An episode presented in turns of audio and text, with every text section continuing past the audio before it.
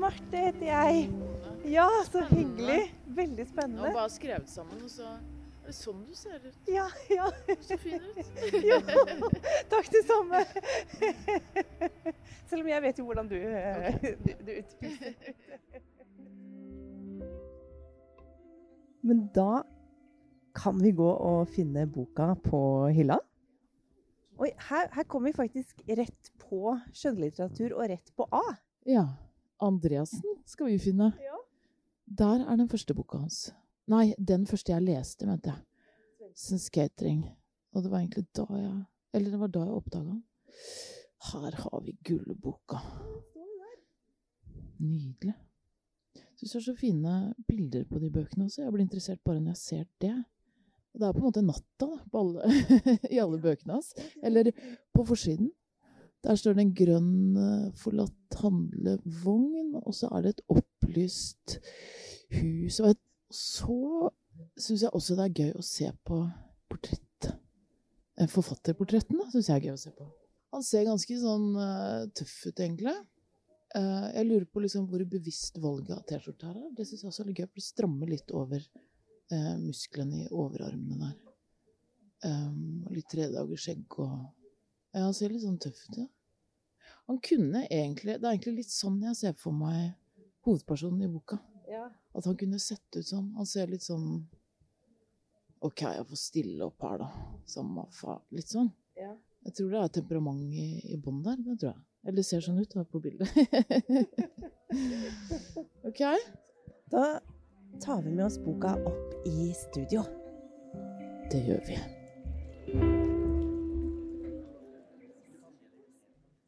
Du hører på Deichman-podkasten Utlånt til, der inviterte gjester forteller om en bok som har hatt en eh, spesiell betydning i livet.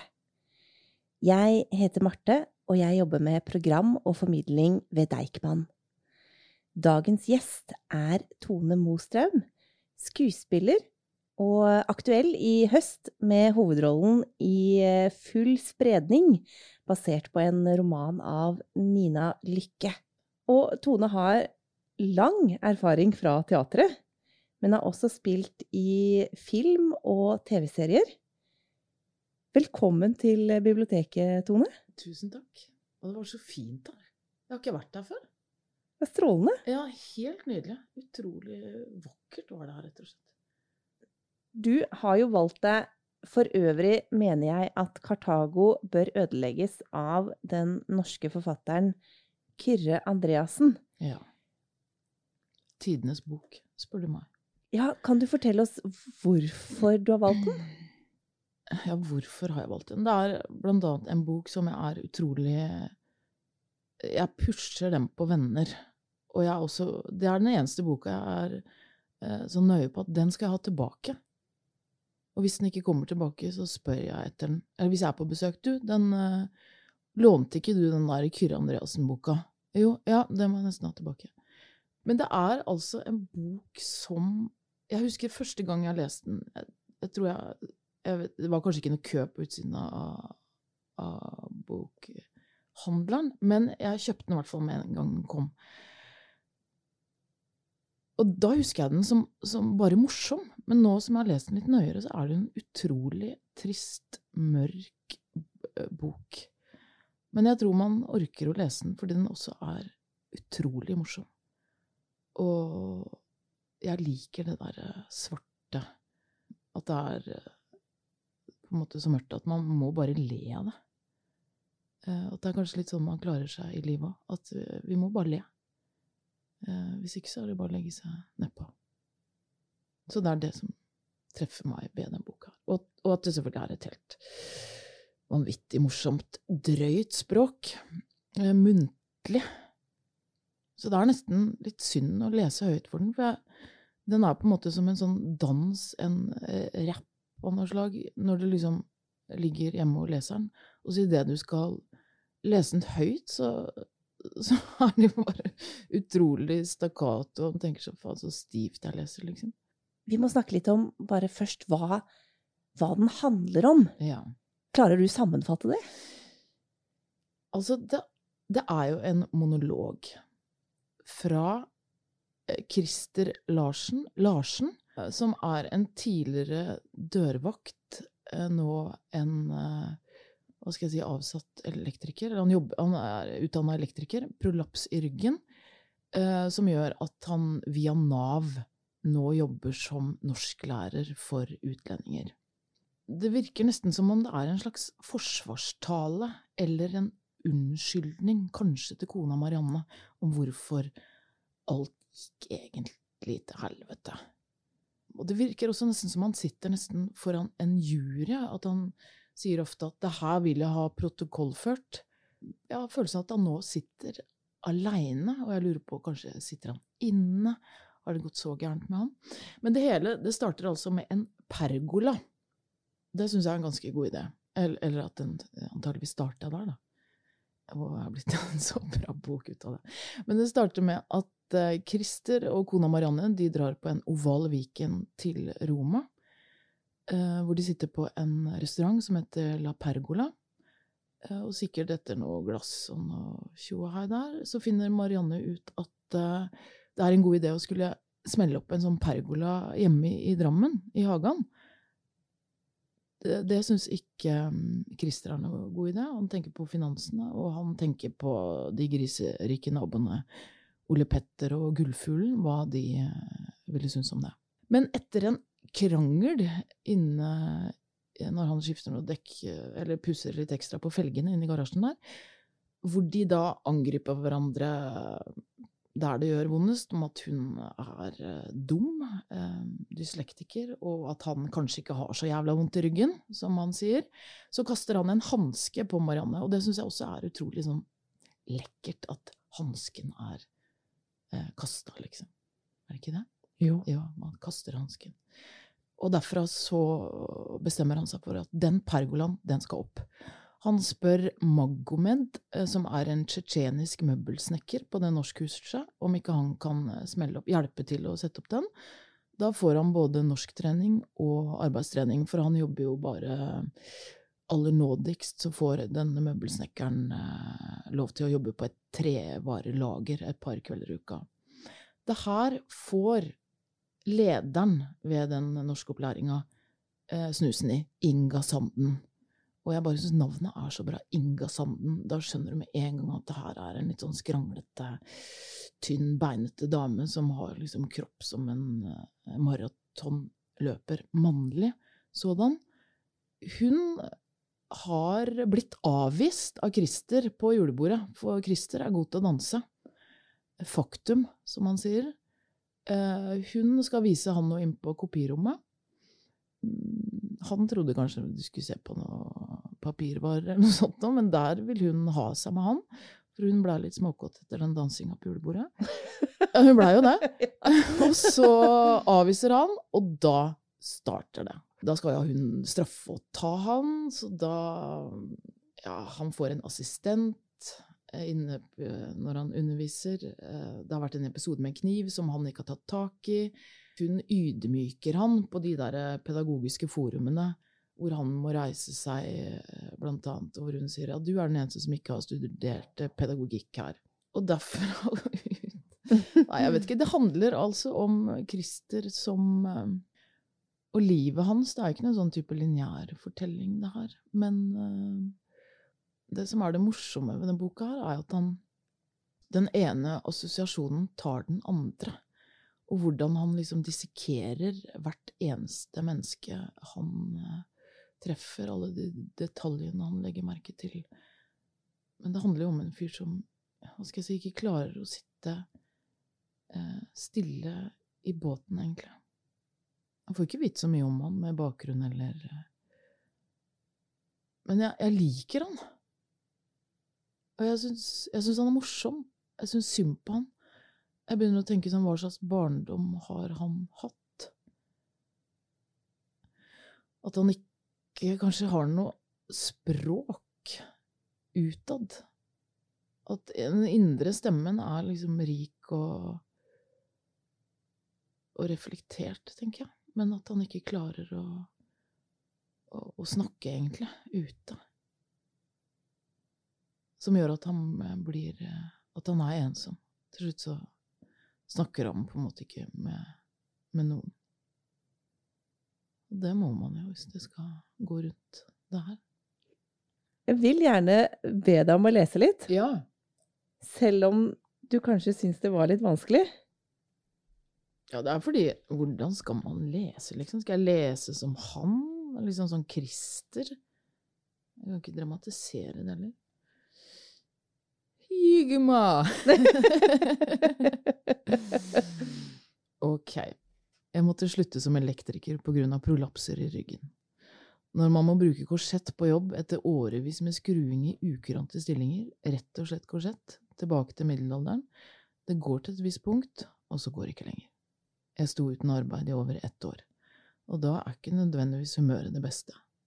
Men så fikk jeg jobb, som lærer alle ting, med andre ord langt bortafor kompetanseområdet mitt.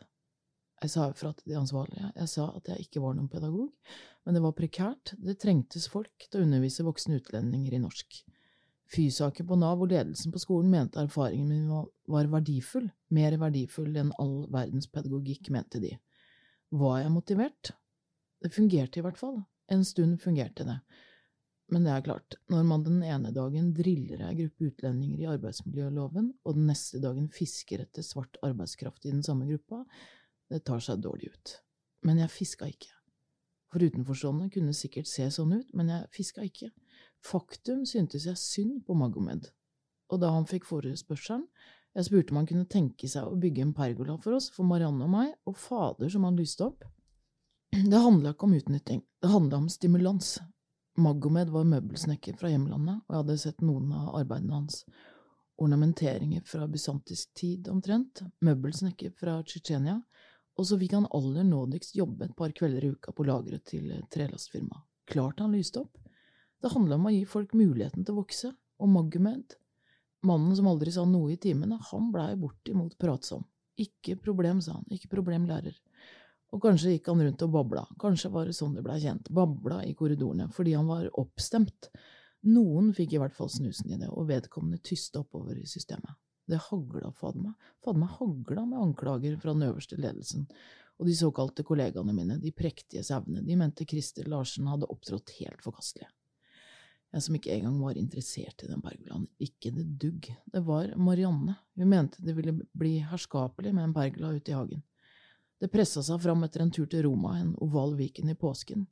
Vi spiste nemligen på en restaurant som het La Pergola der nede. Det var sånn hun fikk ideen.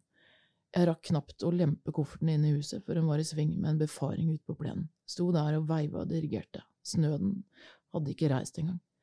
Kan du se det for deg, sa Marianne. Men bare fordi man hadde sittet på et romersk fortau med alle slags slyngplanter dinglende rundt øra og gassa seg med mat og vin og hele antikken midt i fleisen, var det neppe noe automatikk i at man fikk oppleve den samme velstanden hvis det ble slengt opp litt plank mellom huset og garasjen. Å, Kyrre Andreassen, I love you. Hæ? Ja, det er fint. Det er fint? Ja. Rytmen, liksom? Ja. Hæ? Og så får jeg jo lyst til å stoppe underveis, og bare, for jeg syns det er sånn skruing i ukurante stillinger. Eh, kompetanseområdet mitt. At han liksom Ok, greit, hvis vi skal bruke det språket der Jeg kan godt bruke det, jeg. Jeg kan det språket, jeg også. Faktum. Og at han også er innom ornamenteringer fra bysantisk tid. Altså, jeg kan min historie. Og det der med nemligen. Vi spiste nemligen på en restaurant som het La Pergola. Så det er en god start, syns jeg. Jeg leste litt anmeldelser av den, Ja. og hvor det var en anmelder som spurte seg, spurte seg nettopp det der Hvem er det han snakker til? ja. Og da tenker jeg det var så, en, eh, så fin tolkning, det du sier, at liksom Men kanskje han sitter inne nå? Ja. ja, for han må jo nesten sitte inne nå. At det her er en slags unnskyldning til til kanskje kona. Han har slutta å snakke med kona si, rett og slett. Mm, Så hun vet ikke noe om at han tar valium. Og hun vet heller ikke noe om at han eh, ligger med en massør. Eller det viser seg vel at hun har visst det, fordi de siste ukene før de blir med på en full sponsa tur etter Côte sammen med de nyrike naboene Ole Petter og Gullfuglen, så har de det så fint. De har det utrolig fint. De begynner å ligge sammen igjen og Ja, de har det godt i ekteskapet. Og så idet de lander og ser at Ole Petter eh, kommer i lindressen sin og er grisebrun, så sier hun Jeg veit hvem du er. Eh, så da tenker jeg at hun må vite at han har holdt på med hun massøren Yvonne. Ja. Med Har hun grønne negler? Ja, hun har grønne negler. Og de forrige Han ser vel noen grønne negler utover i boka. Grønn eyelokk. Men det er en ensom mann der. Han er, og det er vel derfor man, jeg får vondt av ham. Altså man tenker sånn Nei, ikke gjør det. Nei, ikke dra inn og ligge med henne. Nei, ikke! Søren, tar du med deg sønnen bort til elskerinna? Nei, ikke skjell ut sønnen. Nei, ikke ta han så hardt inn i bilen. Oi, der skalla han. Og når sønnen da liksom forsvarer faren etterpå og sier at nei, han løp på en sånn derre um, ribbevegg i gymmen Ja, det er en page turner der, altså. Det er en nydelig bok. ja, og så er det jo denne er det jo denne sønnen som det er noe med, ja. og som da må til utredning. Ja. Og der tror jeg han kjenner seg veldig igjen. Eller det starter vel med at de blir kalt inn fordi sønnen Andreas har uh, slått ned en fyr i skolegården. Og så blir de kalt inn på teppet med hele bøtteballetten, som han sier. Og der kommer jo det med språket veldig sånn til uttrykk, fordi der sitter jo Christer og føler seg helt avkledd og helt idiot, og med veldig dårlig samvittighet fordi han ikke går inn og forsvarer sønnen sin. Uh, at han ser at han sitter der og er elleve år og utrolig ensom. Og det eneste han nesten klarer å si, er Eller at han sitter og nikker.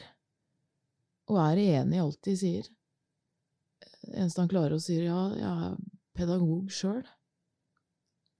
Når det her er over, og de skal ut i bilen, og han har glemt noe, så skal inn og hente det igjen, så overhører han eh, jeg vet ikke om det var rektor og sosiallærer og klasselærer og hele gjengen, at de gjør narr av han og, og, sier 'ja, jeg er pedagog sjøl'. Og det er så vondt. Ja, det er helt forferdelig. Og ingenting av det her sier han jo, ikke sant, så han deler ikke det her med noen. Ikke med Marianne, ikke med Men så går han da For han sliter jo med å sove, da, er derfor han begynner med den, den valiumen. Så går han ofte inn til, eller av og til inn til, på rommet eh, til Andreas og sitter der bare for å få roa seg ned. Og ser på taket, hvor han har eh, Er det europakartet? eller verdenskartet? Ja. Hvor han har satt mm. sånne lyspunkter på alle hovedstedene. Veldig rørende. Ja, det er utrolig rørende. Så han har liksom veldig sånn omsorg for folk, men han får ikke vist det, på et vis. Og man lurer på om han, han kan liksom ha hatt den samme Om han har samme type som sønnen sin der. Når han slo ned han fyren utafor det utestedet, så løper han vel derfra. Og så løper han på kirkegården, hvor fattern og Andrea, søsteren hans, ligger. Hun ble ikke 20 engang. Og da husker han at han selv, når han løp hjem fra skolen, at det mm, minte han om det det er flere steder hvor man virkelig sånn må svelge, for det er så trist og så utrolig fint skrevet. Hvor han kommer frem til den grava. Og så har vi ikke hørt noe om hans familiehistorie. Og så står det at han Han er der aldri. Han ser på nabograva. Hjardis Christoffersen døde i 77. Uh, og så er det en sånn samtale med seg selv i forhold til, i forhold til med savn. For den grava er så fin at savn kan jo ikke sammenlignes. Altså, det er ikke nødvendigvis at de har vært gladere i henne enn han har vært i fattern og Andreas, siden han ikke steller gravene. Men så tar han da tar de plantene ned i jorda der, får, får gjort det fint på sin, sitt gravsted. og er, han er iskald, full av jord. Og så går han og skyller eh, henda borti ved ja, springen, eller hva det heter, kanskje ikke det ute. Og så avslutter han med at jeg er en renslig fyr. Og jeg syns han har så mange sånne fine brudd, eller at det er liksom stopp-start. At det er sånn Ja, at han liksom hogger eh, tak i oss med det språket. Det har vel med rytmen å gjøre, at det kjenner man jo når man øh, jobber som skuespiller, at det er liksom noe av det viktigste. Eller som gjør at jeg kan tenne på en tekst, da, om det er, om det er god rytme i teksten. Ja, og det er det her. Men kjenner du deg igjen i han? Ja. jeg har grua meg til å komme hit for å snakke. Ja. Eh, fordi jeg tenker at jeg kan også ha masse indre liv, indre monologer, eh, tjo og hei. Ja, det sier også han. Det er kanskje det at jeg kjenner meg igjen i språket hans også. Ja. Han bruker jo ofte tjo og hei. det, det sier jeg jo. Men at man kanskje kan miste språket litt Eller jeg hører jo nå at jeg snakker, så jeg har jo ikke mista språket. Men at man kan være uh, Legge bånd på seg selv, eller uh, føler seg at uh, Underlegen, liksom. Øvrigheta, da, som han, han føler seg. At Ja, at han, at han er elektriker. Det virker som man også har liksom For andre gangen jeg leste boka, så tenkte jeg at ja, han, kanskje drømmen hans hadde vært å studere historie. Men at det aldri blei sånn. Og jeg kan også tenke at jeg liksom Ok, ja, at jeg kanskje skulle ha drømt Eller studert litteratur.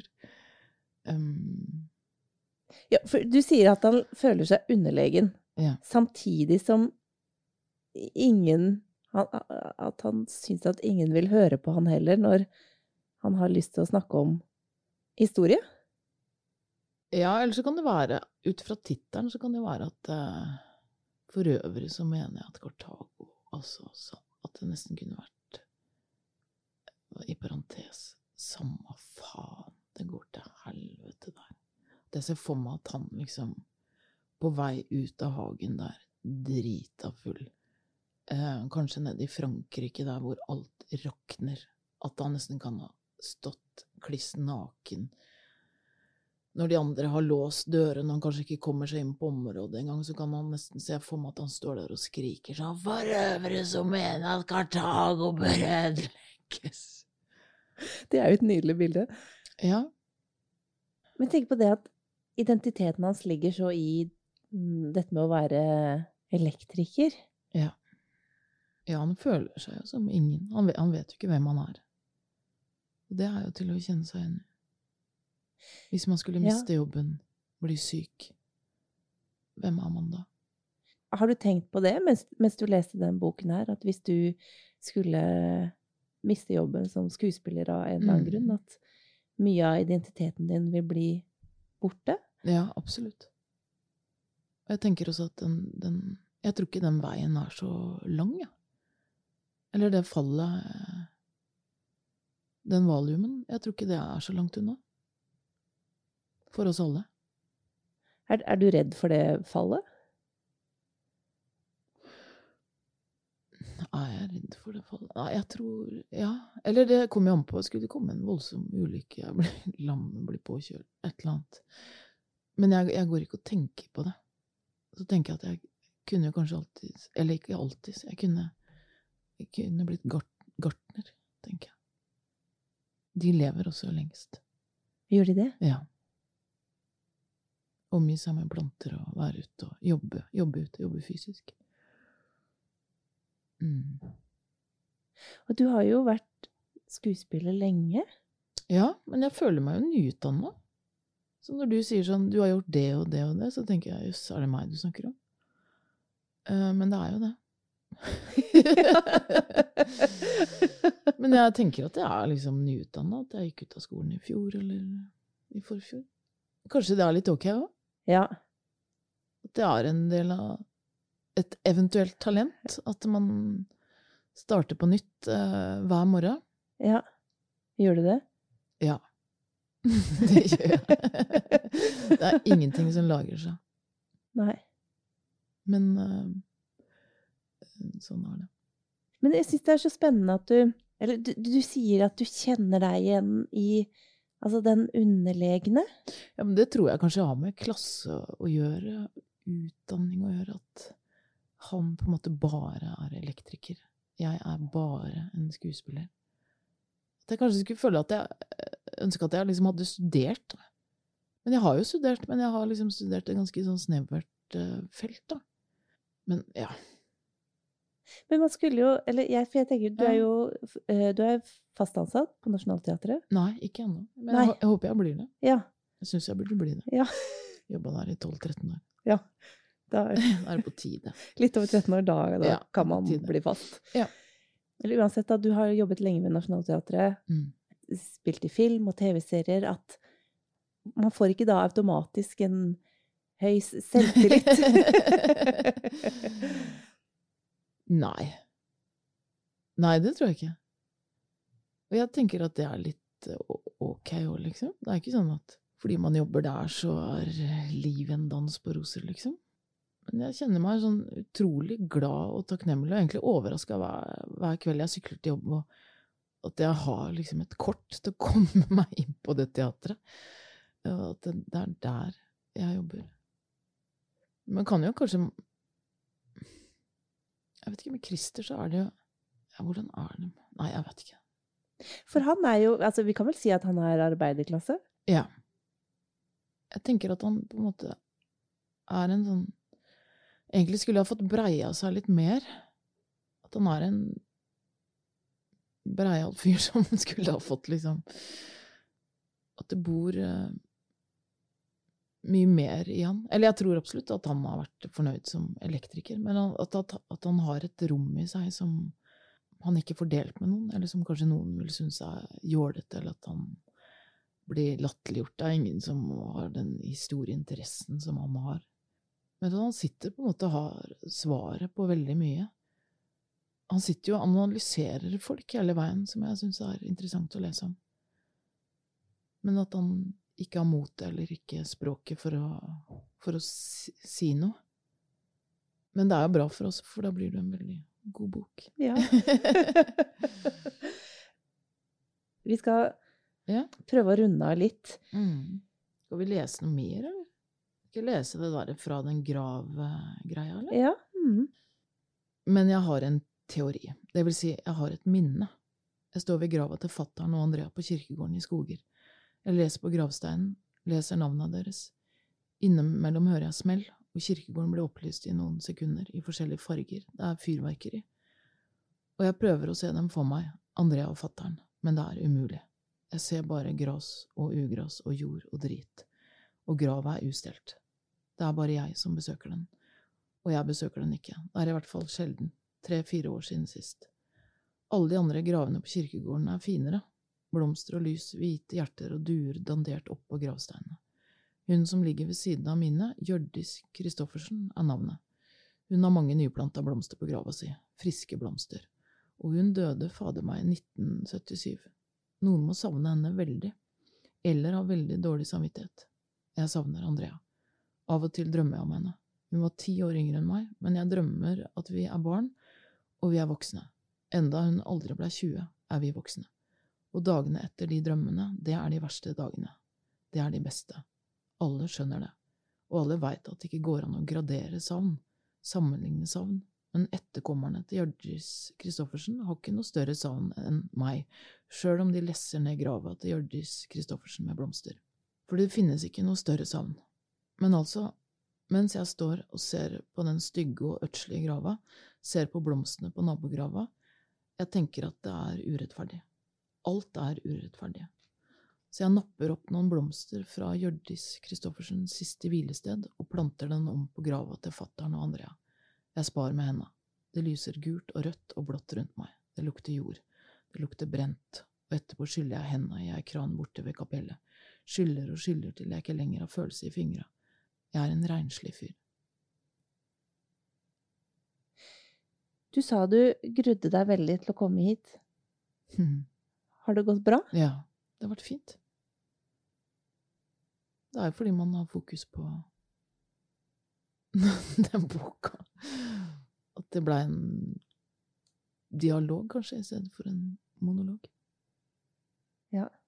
Mm. Tusen takk, Tone, for eh, praten. Selv takk.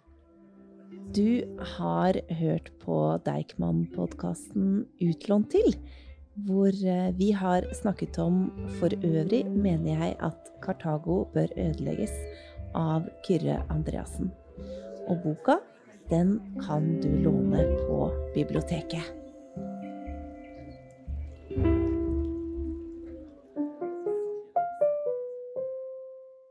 Dette er en podkast fra Deichman, hele Oslos folkebibliotek.